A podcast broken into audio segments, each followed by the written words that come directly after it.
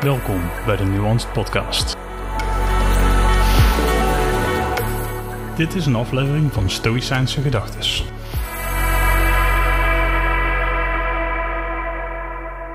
Gerechtigheid is prachtig. Wat maakt een mooi mens? Is het niet de aanwezigheid van uitmuntendheid? Beste vriend, als jij mooi wil zijn, werk dan ijverig aan uitmuntendheid. Wat houdt dat in?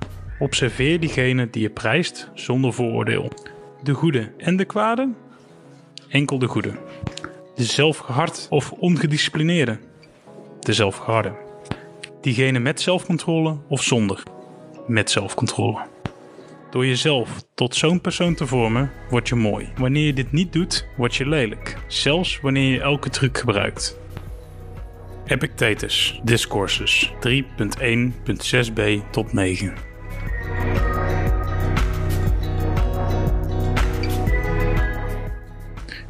Ons schoonheidsideaal is idioot. We vereren de genetische loterij, maar dat valt volledig buiten onze controle. De beschreven eigenschappen niet. Mensen die dat zijn, zijn echt mooi. Want ben eerlijk, make-up maakt mensen niet mooi. Het accentueert bijvoorbeeld mooie onderdelen, maar dat is het. Het is echt niet meer dan dat. Mooie mensen zijn mensen die vanuit zichzelf gewoon mooie dingen doen. Kijk bijvoorbeeld naar topsporters. Die halen het beste uit zichzelf. Daar hoeven ze niet knap voor te zijn. De grap is ook, vaak worden ze er gewoon, komen ze er beter uit te zien. Omdat ze zichzelf uitdagen, omdat ze er meer uithalen. Je hebt ook met mensen die echt goede dingen doen voor de samenleving en dat soort dingen. Daar zeggen we ook vaak over. Dat is een mooi mens. En ik denk dat dat het allerbelangrijkste is. Kijk, schoonheid is maar huiddiep. Zoals we het in het Engels zouden zeggen, is only skin deep.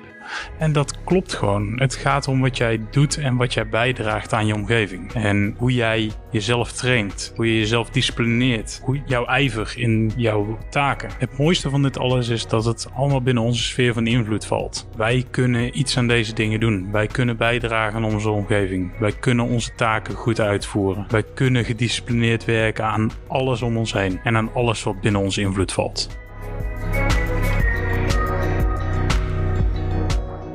Vond jij deze aflevering waardevol? Abonneer je dan op het Nuance Podcast YouTube kanaal, volg de podcast op Spotify of deel de podcast met anderen. Op deze manier help je mij het kanaal te ontwikkelen. Enorm bedankt voor je tijd en tot snel!